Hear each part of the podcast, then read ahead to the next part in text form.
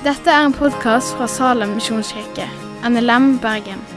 For mer informasjon om Salem, gå inn på salem.no.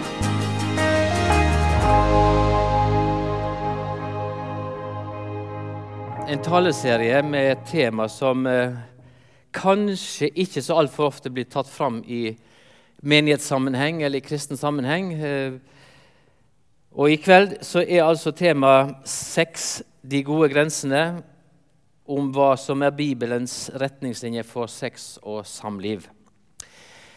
Vi, jeg tror vi alle er klar over at vi lever i en tid der grenser for vår seksualitet er blitt veldig aktualisert.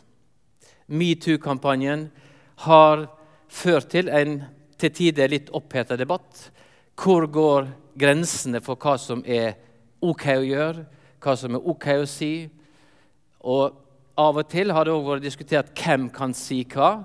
Kan vi som er eldre, si det samme som de som er unge? Eller vil vi, vil vi bli oppfatta mer grensekrenkende hvis vi får, har en seksualisert tilnærming til det motsatte kjønn.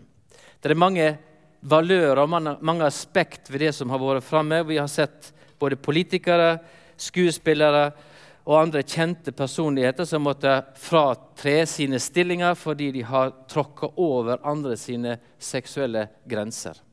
Grenseoverskridende atferd.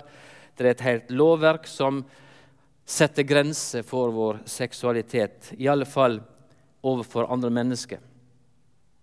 Politiet har i flere år kjørt kampanjen Kjernekar.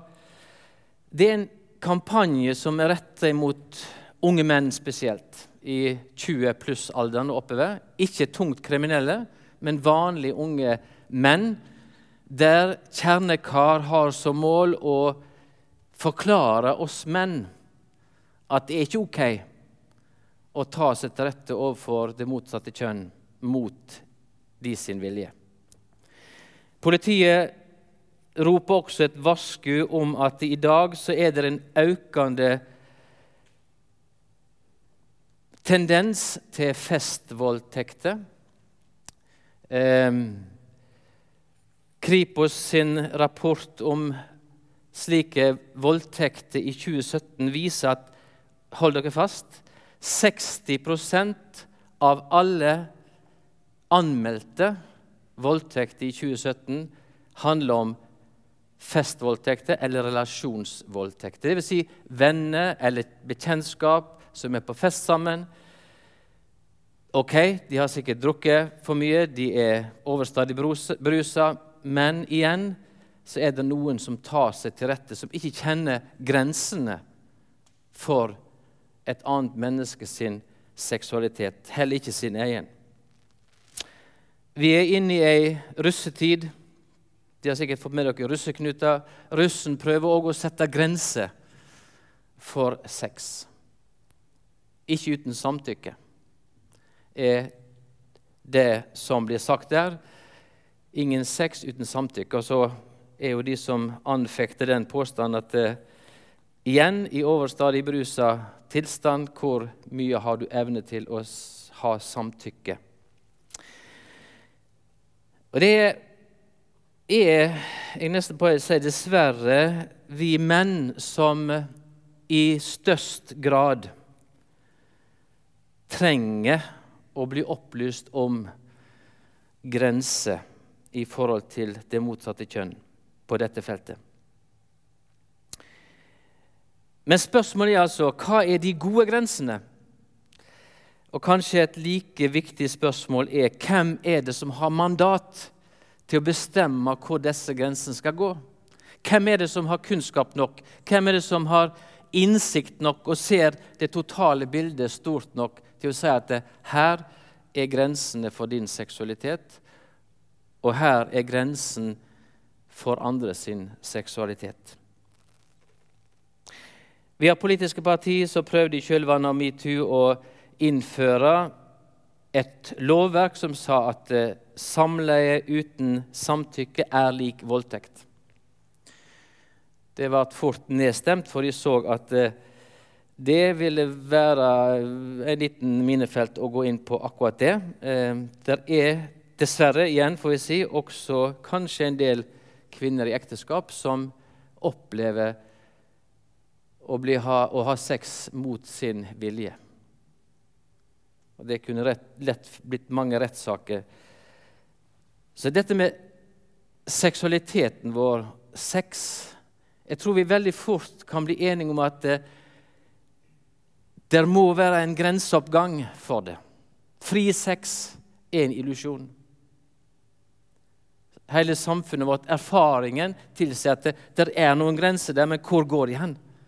Og hvem er den som kan sette de grensene på en god og trygg måte for alle parter.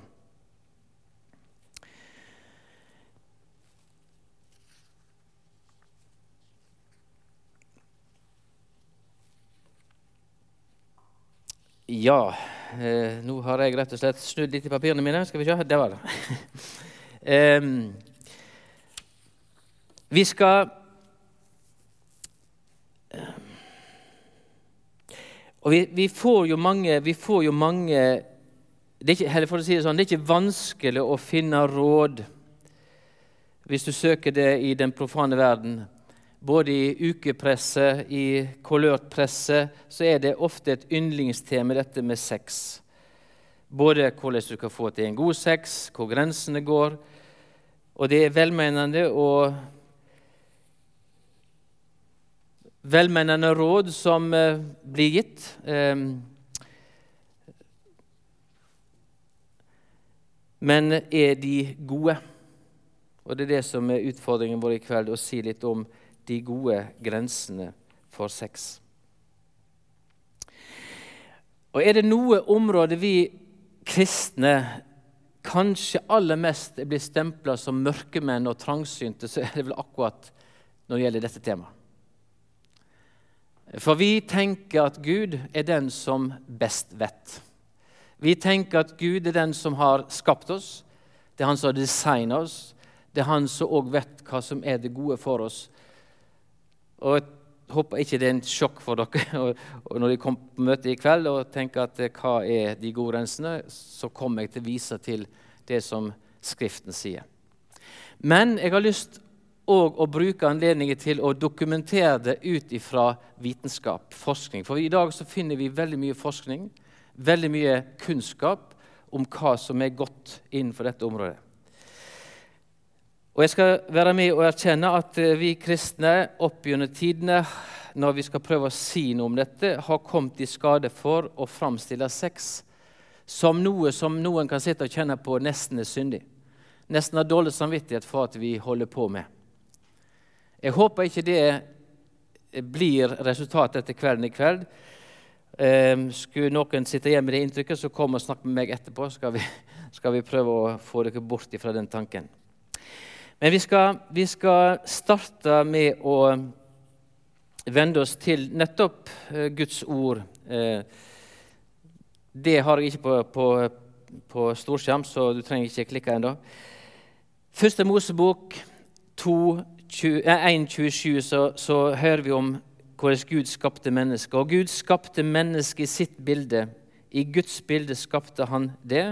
Som mann og kvinne skapte han det. Skapte han deg. Og i kapittel 2 og 24 så står det Derfor skal mannen skiljes fra far sin og mor si og holde fast ved kvinna si, og de to skal være én kropp. Det er to biologiske kjønn i verden.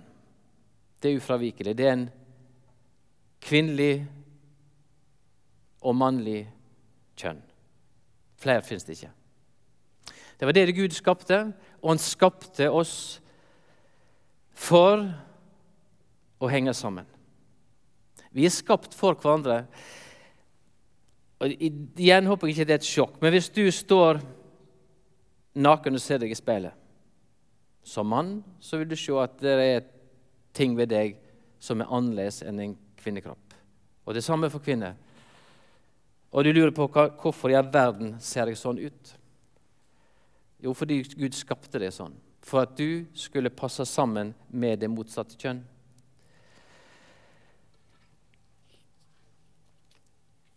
Og Det betyr Når en mann og en kvinne finner hverandre, går inn i et ekteskap og har samleie, så sier Skriften så blir de to limt sammen.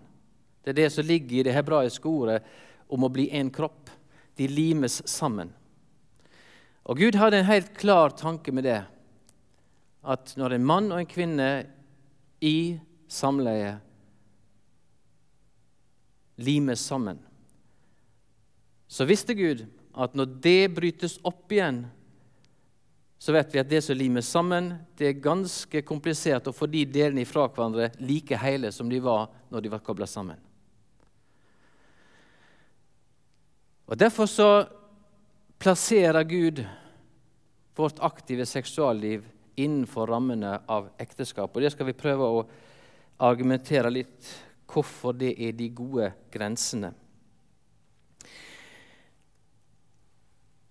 Når vi limer sammen, og når vi har sex, så er ikke det bare spørsmål om tilfredsstillelse, orgasme, utløsning. Men det er snakk om følelser, det er snakk om enorme kjemiske prosesser i hele kroppen din.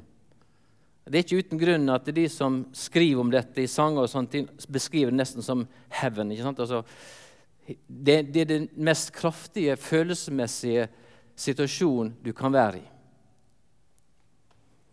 Det er Gud gitt. Det er en Guds kreasjon i ditt indre liv. Derfor så knyttes vi til hverandre i dette fellesskapet. Og Derfor så er det et ekstremt sårbart eksperiment å knytte seg til den ene etter den andre etter den ene etter den andre. Og brytes opp igjen, brytes opp igjen. Det skjer noe i ditt følelsesliv Kanskje sitter noen i dag som har erfart akkurat det. Hvor sårbare vi er. Hvor følelsesmessig utfordrende det er å gi seg hen til den ene etter den andre. Det er en serie på Netflix jeg vet ikke om dere har sett den, som heter Outlander. Er det noen som har sett den? Ja, det var Da kan jeg snakke til deg. Nei da. Det er, det er sånn historisk Det er basert på noen historiske fakta. Eh, det er Skottland som er i opposisjon til England. Dette skjer på 1300-1400-tallet, hvis de husker det er feil. 1600-tallet, beklager. Det var flere som sa den her. Det er ikke alltid like rett å huske tids... Men ok, 1600-tallet. Det er Skottland i opposisjon, opprør mot engelskmennene, som er den dominerende makt. Og det er en leder dette skotske opprøret som eh, leder de, mens blir, opprøret deres blir slått kraftig ned. og Denne lederen i, blant skottene blir tatt til fange. Han må jobbe som eh, mer eller mindre slave for engelskmennene ved ei borg. og Der er det ei adelskvinne som er blitt lovet vekk til en mye eldre mann. Det vil hun selvfølgelig ikke, men hun har ikke noe å si. Men hun legger øynene på denne staute, kraftige skotten og tvinger han til sengs mot, for hvis ikke han ville gjøre det, så kommer hun til å sitte for at han blir tatt livet av. Så han lyer. Og når de er ferdig med selve akten, så sier hun 'I love you'. Og så sier han nei. Det vi har hatt nå, det kan du ha med hvilken som helst mann. Kjærlighet handler om å gi seg hen med kropp, sjel og ånd. Det er kjærlighet.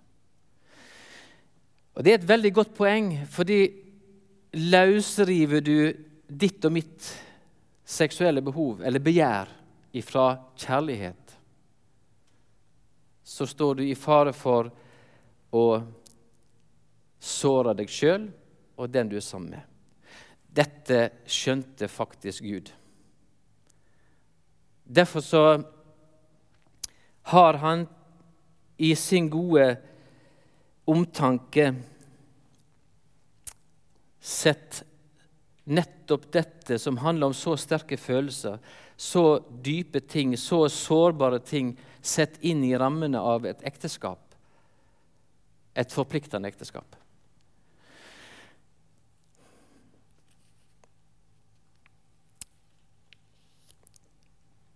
En av verdens fremste samlivsforskere, John Gottman Kanskje noen av dere har eh, hørt om han. Han, er, han, i, han, og kona var i Norge for ikke lenge siden. Eh, ble også intervjua på God morgen Norge.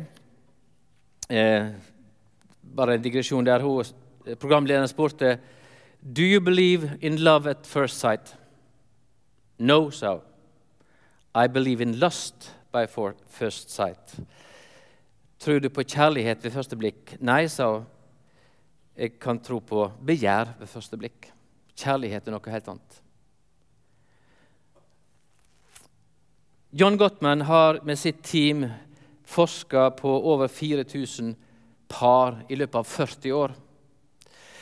Og De resultatene som de kommer fram til, er ganske oppsiktsvekkende. Jeg har tatt med meg en bok her i dag som er en populistisk framstilling av noe av det han har forska på. Den er skreven til oss menn for at vi skal forstå kvinner. Så det er ingen kristen bok, men det er mye, allikevel mye å hente her. Så hvis du som mann lurer på hvordan i verden skal jeg forstå en kvinne, så anbefaler jeg denne. Han siterer bl.a. Freud, som sier at i 30 år har jeg studert kvinnens sjel, men det er et komplett mysterium hva en kvinne vil. Så, eh, men godt Gottmann mener han har funnet løsningen. Men her er et, et sånt forskningsresultat som kan være godt for oss kristne òg, men òg for ikke-kristne å ta med oss. Som igjen underbygger Dette er jo ikke bygd på noe bibelsk materiale, men han underbygger uten å vite det, det Bibelen sier. For han viser til to forskere som heter Pepper Swatz og Philip Brumstein. De har gjennomgått mer enn 12 000 heteroseksuelle par og samboerpar. Og så De hadde forventet at folk som bodde sammen, ville ligne mer på ektepar jo lenger de levde sammen. Men det de fant i sitt amerikanske materiale, var det motsatte. Jo lenger et par bodde sammen, desto mindre lignet de et ektepar når det gjaldt å forplikte seg. Hør etter det. Når det gjaldt å forplikte seg. Og Nå snakker vi ikke bare om seksuell troskap. Samboere stilte i mindre grad opp for hverandre ved økonomiske eller andre slags problem. Samboere hadde også mindre skrupler med å stikke av dersom de dukket opp et bedre alternativ. Med andre ord, samboere følte ingen eller liten forpliktelse i forhold til dem som var gift. Og så en setning som vi mennesker legger legge merke til. Forskningen sier den type forpliktelse som følger av å være gift, legger rundt åtte år til en manns livslengde. Det kan vi jo ta med oss som et pluss. Um, og stikkordet er forpliktelse. Og dette rammes inn i, innenfor trygghet og forpliktelse.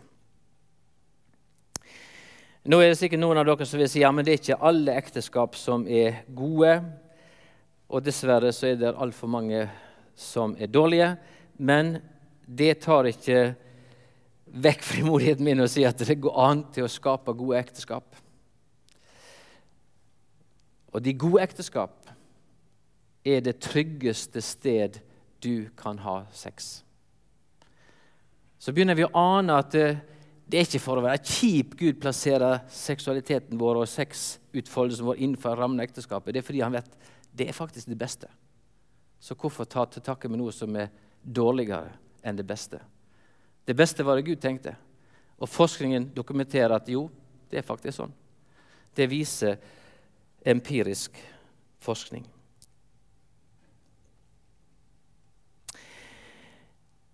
Så forpliktelse og tillit er de stikkordene også John Gottman slår i bordet med, som setter rammene rundt det gode samliv og det gode sexliv.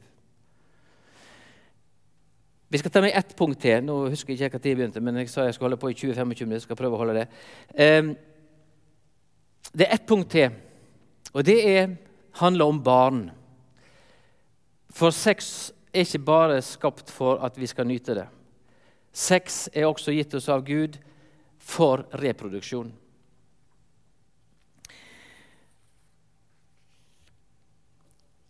Og for en kvinne så er ethvert samleie en mulighet for graviditet. Ja, sier du, eh, i dag har vi jo veldig mye ulike prevensjonsmiddel. Og det er helt rett, eh, men det er ingen prevensjonsmiddel som er 100% sikker. Så det skal vi òg huske, vi som menn, at eh, ethvert samleie er for en kvinne òg en liten mulighet for at jeg kan bli gravid.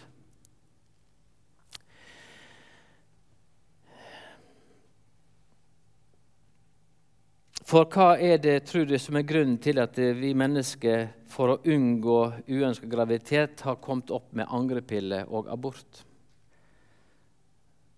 Det er fordi det er ikke sikkert at vi ikke blir gravid.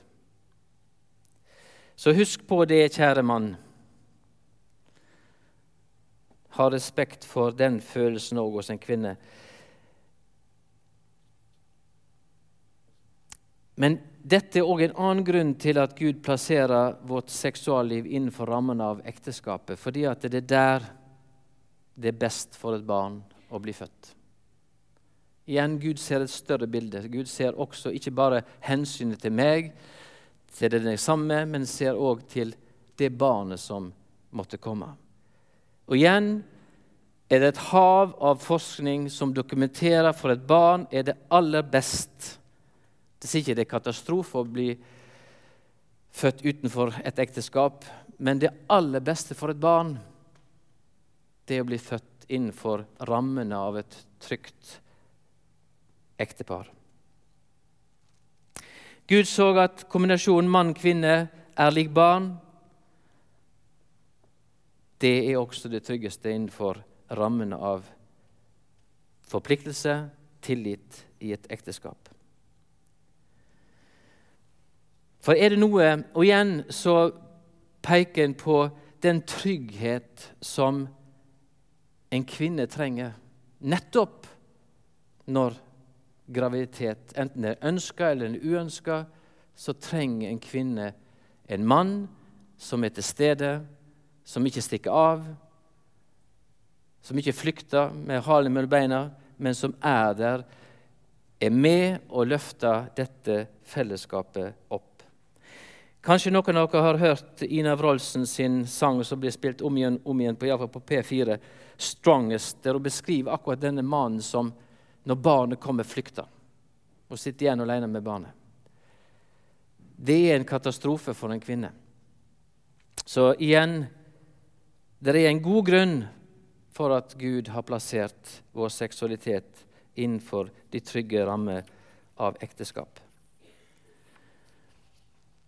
Gud ser også til barn. Og Hvis du vil lese deg mer opp på hvorfor dette er så viktig, så søk på tilknytningspsykologi, og du vil finne et hav av litteratur som dokumenterer det jeg i korte setninger legger fram for dere her. Så det er et siste punkt som jeg har lyst til å ta med når det gjelder seksualitet. Og Det handler om kjønnssykdommer. Hvis, vi skal ta et tankesment, hvis alle mennesker i hele verden hadde bestemt seg fra i dag av skal vi bare ha sex med én partner, så hadde vi rydda ut alt som heter kjønnssykdommer. Hiv, aids hadde vært en saga blått. Bare det i seg sjøl, i mitt hode, tenker jeg, må være grunn god nok til å tenke at Gud tenkte jo det beste for oss. Det var ikke for å stramme oss inn og liksom holde oss inn i nakken og si at det, mm, sex utenfor ekteskapet det er galt, det er synd. Det er det i Guds øyne, men det er en god grunn bak det. Han vil oss vel ved å holde det innenfor ekteskapet.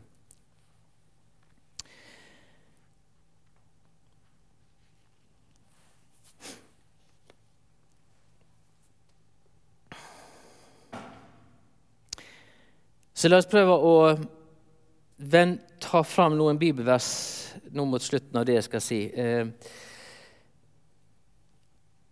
og Det er vanskelig å trekke opp alt, men det er klart at det, det store faktum er at eh, hele Bibelen, både Det gamle og Det nye testamentet, bruker samlivet mellom mann og kone, eller brud, brudgom og brud, som metafor, som bilde på relasjonen mellom Gud og hans folk. I Det gamle testamentet så er Gud brudgommen, Israels folk er hans brud. Og Leser du flere av profetene, så ser du hvordan Gud sier jeg vil, altså de, de har gått bort og drevet hor. altså De tilber andre guder, og Gud beskriver det som hor, utroskap. I Det nye testamentet så forteller Jesus lignelse på lignelse om brud og brudgom. Og I Johannes' oppbaring så, så, finner vi til slutt at Jesus kommer igjen som brudgom for å hente sin brud, menigheten. Så hele Guds tanke med ekteskapet mellom mann og kvinne har en mye større dimensjon enn vi aner. Det ligger en åndelig dimensjon i det, som handler om Gud og hans utvalgte folk. Um, ekteskapet er en institusjon. Det er en samfunnsbyggende institusjon. Det er godt både for mann og kvinne og for barn. Og Vi skal lese nå, kan du våkne med storskjermen. Eh, vi skal lese fra 1. Tessalonika brev 4, 3-5. For dette er Guds vilje, at det skal være hellige, så det heller ikke bort fra hor. Hver og en skal vite å vinne seg si egen kone i helligdom og ære, ikke i sanselig lyst som heidningene som ikke kjenner Gud. Det er Bibelens veiledning i det å finne seg en kone, eller finne seg en mann. Gjør det i hellighet og ære. Um, ikke, som, ikke med begjær som ledestjerne for du, hvem du skal ende opp med. Vi skal lese første kor 7-9. Men kan det ikke, altså Før dette så har Paulus snakket om at han håper at alle skal være som han, altså single og avholdende. Det er hans uh, ideal, tydeligvis. Men så sier han, men kan de ikke være fråholdende, får de gifte seg? For det er bedre å gifte seg enn å brenne av lyst. Bibelen erkjenner at denne, dette begjæret vårt, den lysten, den er der. Men det er en grense for den. Det er, er noen gode grenser som Gud hadde tenkt. Men pga. at vi alle er farga av syndefallet og korrumpert av syndefallet, så er disse grensene vanskelig for oss å overholde. Fordi begjæret vårt er så stort. Men Bibelen sier de gode grensene er innenfor ekteskapet. Og Hebreabrevet 13,4 La ekteskapet holdes til ære av alle, og lat ikke ektesenga skitnes til. For Gud vil døme de som driver hor eller bryter ekteskapet.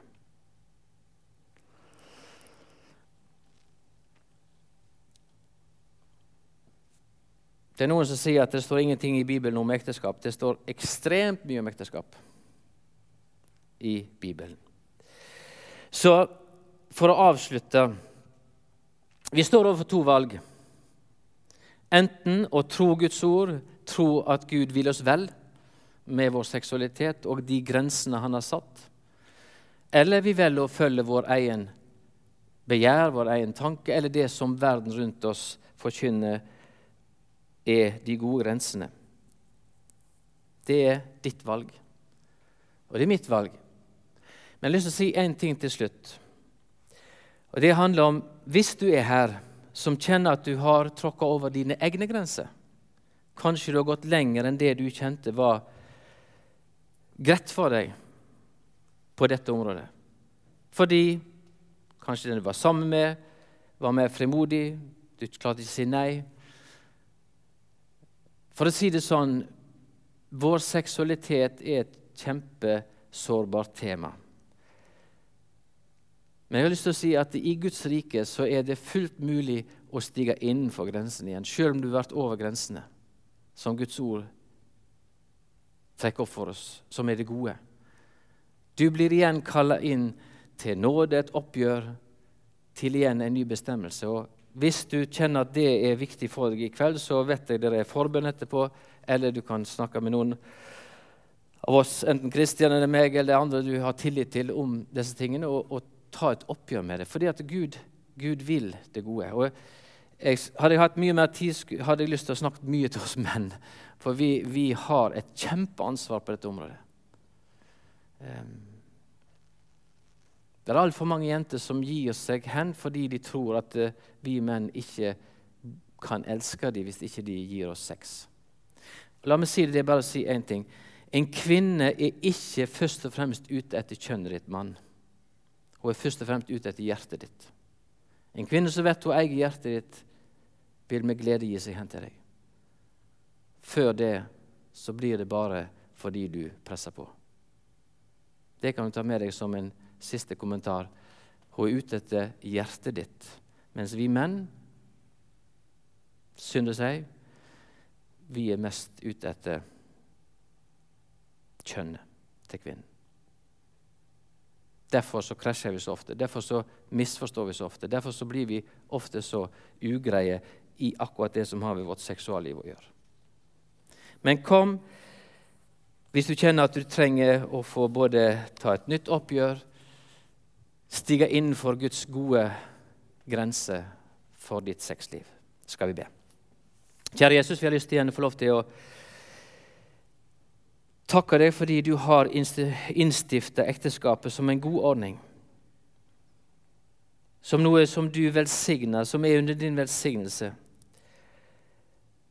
Og hjelp oss så vi midt i den verden som vi lever i, med alt det som blir forkynt oss, kan se at du vil oss det gode. Du ønsker å bevare oss, du ønsker å beskytte oss. Du ønsker å skape trygghet, og du kjenner den enkelte av oss. Du vet hva livet har påført oss så langt. Du vet hvordan disse grensene kanskje er blitt tråkka over, både av oss sjøl og vi har blitt tråkka over våre grenser, Jesus. Vi, vi ber om at uh, du som gjenoppretter, du som har all makt i himmel og på jord, du er den som møter oss med nåde, med et nytt kall, en fornyelse. Kjære Jesus, vi ber om det. Ber om din velsignelse over den enkelte som er her i kveld. Hjelp de, Herre Jesus, til å bygge gode relasjoner i hellighet og ære Jesus. I ditt hellige navn vi ber. Amen. Takk for at du har hørt på podkasten fra Salem, Bergen. I Salem vil vi vinne, bevare, utruste og sende. Til Guds ære. Vi ønsker å se mennesker finne fellesskap, møte Jesus og bli disippelgjort her i Bergen og i resten av verden. Vil du vite mer om oss, gå inn på salem.no.